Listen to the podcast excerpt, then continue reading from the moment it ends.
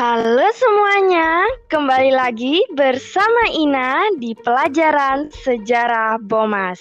Belajar sejarah dengan cara yang bersejarah. Nah, di episode sebelumnya kita sudah mempelajari materi tentang konflik Gresik VOC di bumi rempah Pulau Banda. Dan di episode kali ini kita akan belajar bersama-sama mengenai Arung Palaka dan Kapten Jongker melacak arti pahlawan. Seperti biasanya nih, Ina ditemani lagi oleh narasumber kita, guru sejarah kita yaitu Bapak Ali Murtado. Langsung saja kita undang. Selamat datang Pak Al. Halo, selamat datang juga. Alhamdulillah. Iya Pak, bagaimana Pak kabar hari ini Pak? Uh, mendengar pembukaanmu tadi, jadi hari ini terlalu bersemangat jadinya. Alhamdulillah kayak gitu. Nah, hari ini Pak, kita akan membahas tentang Arung Palaka dan Kapten Jongker melacak arti pahlawan nih Pak. Siap, oke. Okay. Ya, teman-teman semua. Palaka ini lahir pada tanggal 15 September 1634. Dia adalah putra Boni ke-13. Ia ini terlahir dalam suasana konflik antara kerajaan di Sulawesi Selatan. Sejak umur 11 tahun, ia dan keluarganya disandra dan hidup sebagai pelayan di kediaman Perdana Menteri Goa. Hingga suatu saat ternyata dia melarikan diri dari goa. Dan Arung Palaka ini melakukan perlawanan bersama rakyat Bone terhadap goa dengan bantuan yang ditawarkan VOC yang dipimpin oleh Kapitan John Kerr. Ternyata Kapitan John Kerr ini ada keterlibatan di pembantaian Gersik. Nah, langsung aja nih Pak. Apakah konflik antara tanah goa dengan tanah Bone ini akibat ada adu domba nih Pak dari VOC?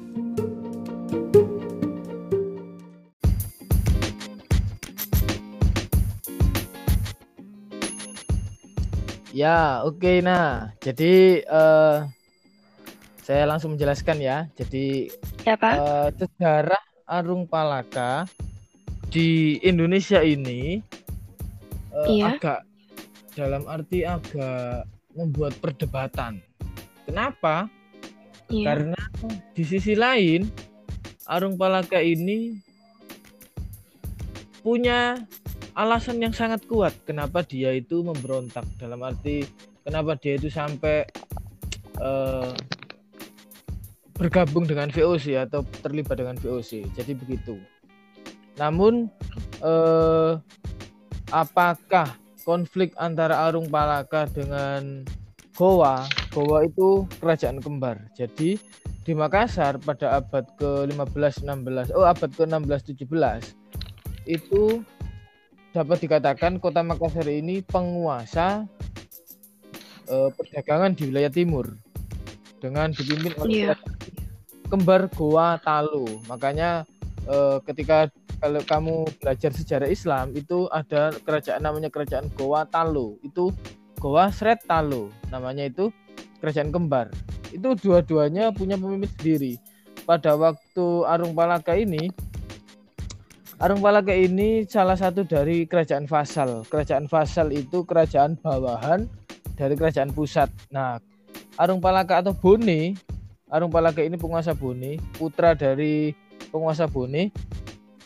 Pada waktu iya. itu Bone merupakan kerajaan bagian dari Goa. Kemudian eh, keluarganya itu ditawan dan Arung Palaka ini ternyata dirawat dengan baik oleh keluarga kerajaan Goa yaitu oleh Kareng Patinggaloang. Dia menjadi pak pelayan dan dia uh, diasuh tidak hanya menjadi pelayan tapi dia itu diasuh. Namun iya. karena itu uh, kemudian dia akhirnya dipercaya menjadi apa ya?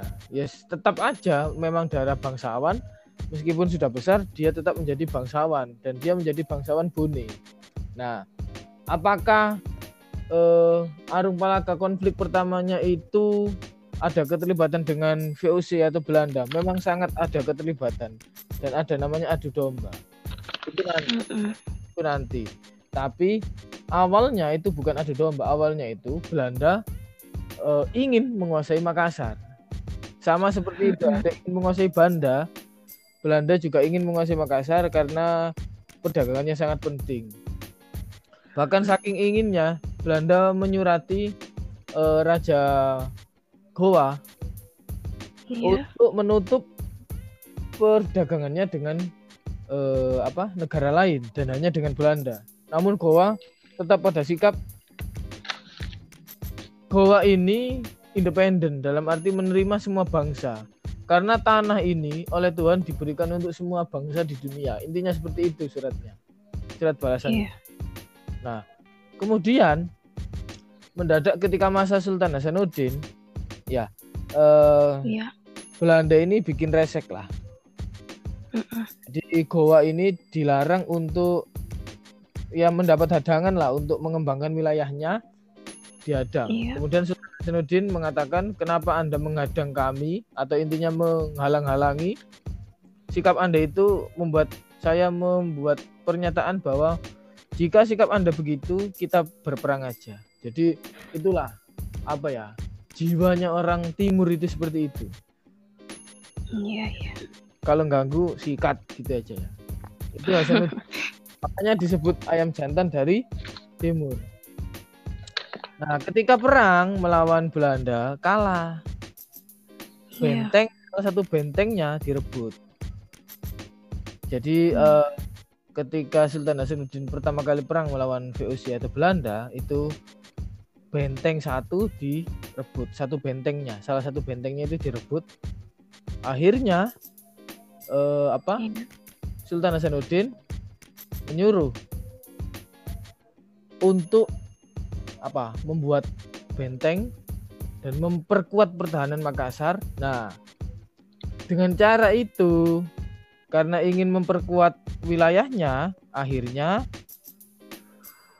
eh, namanya itu Karaeng Karundrung. Itu penguasa iya. dari salah satu penguasa dari apa ya? Gua Talo.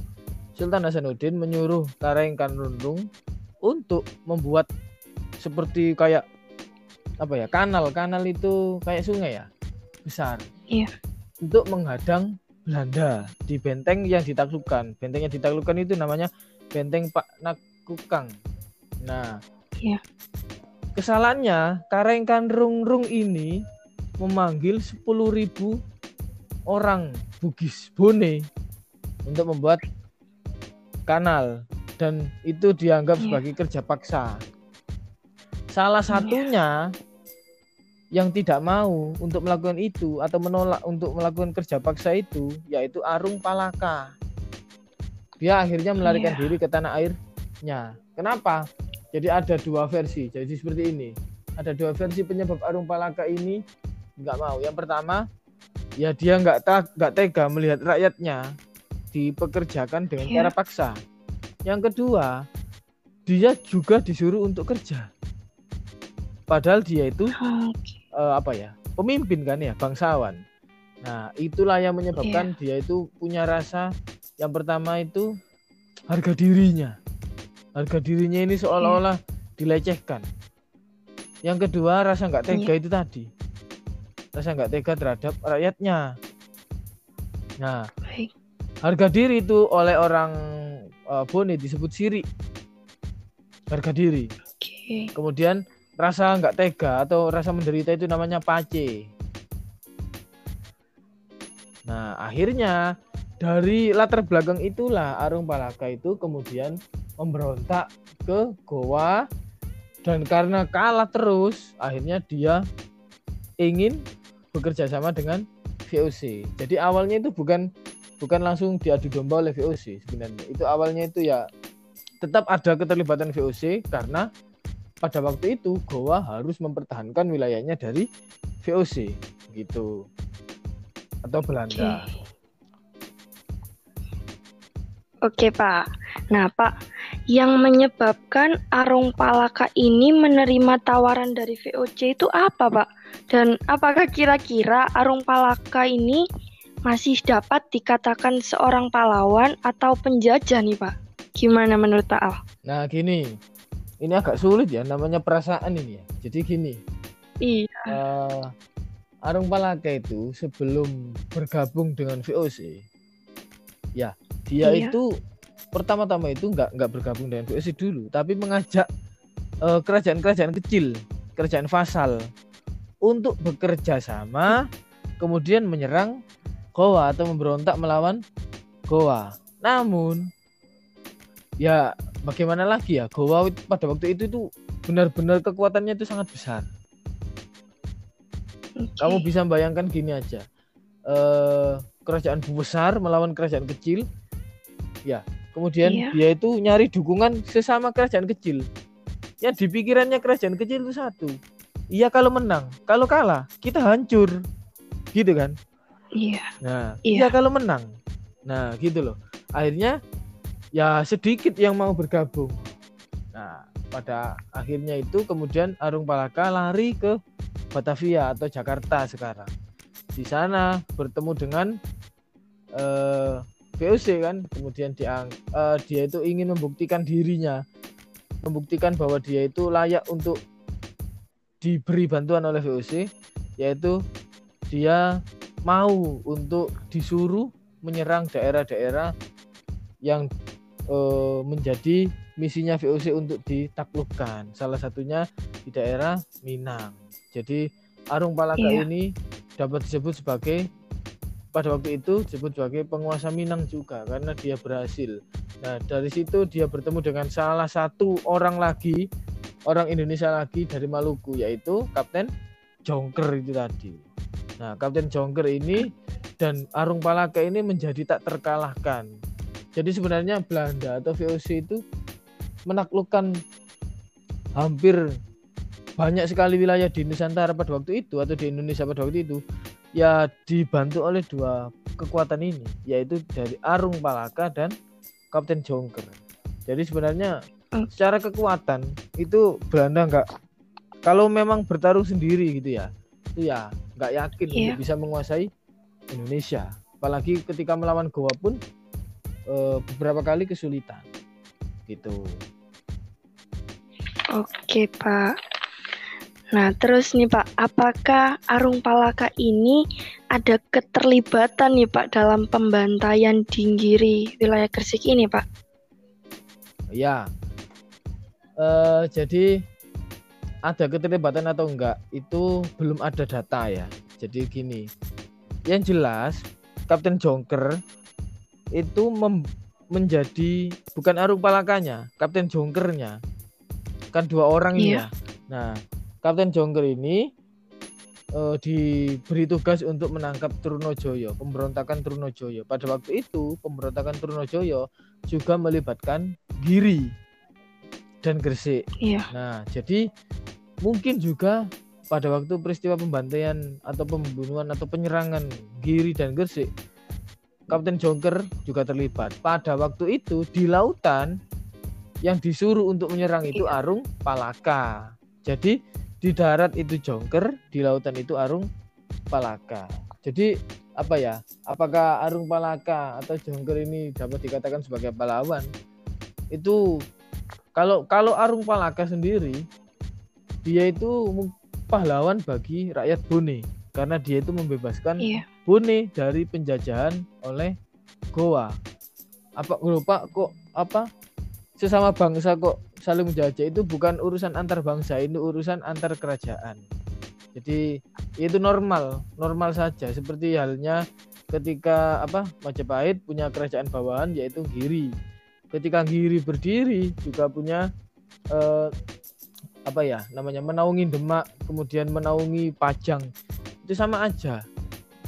Jadi ketika Goa berdiri, Bone juga di bawah Goa. Tapi karena Goa itu melakukan yang dalam arti menyakiti hati rakyat Bone, akhirnya Arung Palaka ini mau nggak mau sebagai jiwa seorang pemimpin dan juga seorang keturunan dari penguasa Bone, dia punya rasa untuk terpanggil untuk menyelamatkan rakyat Bone dari penjajahan atas Goa meskipun itu juga diadu domba oleh orang Belanda yaitu namanya Spelman.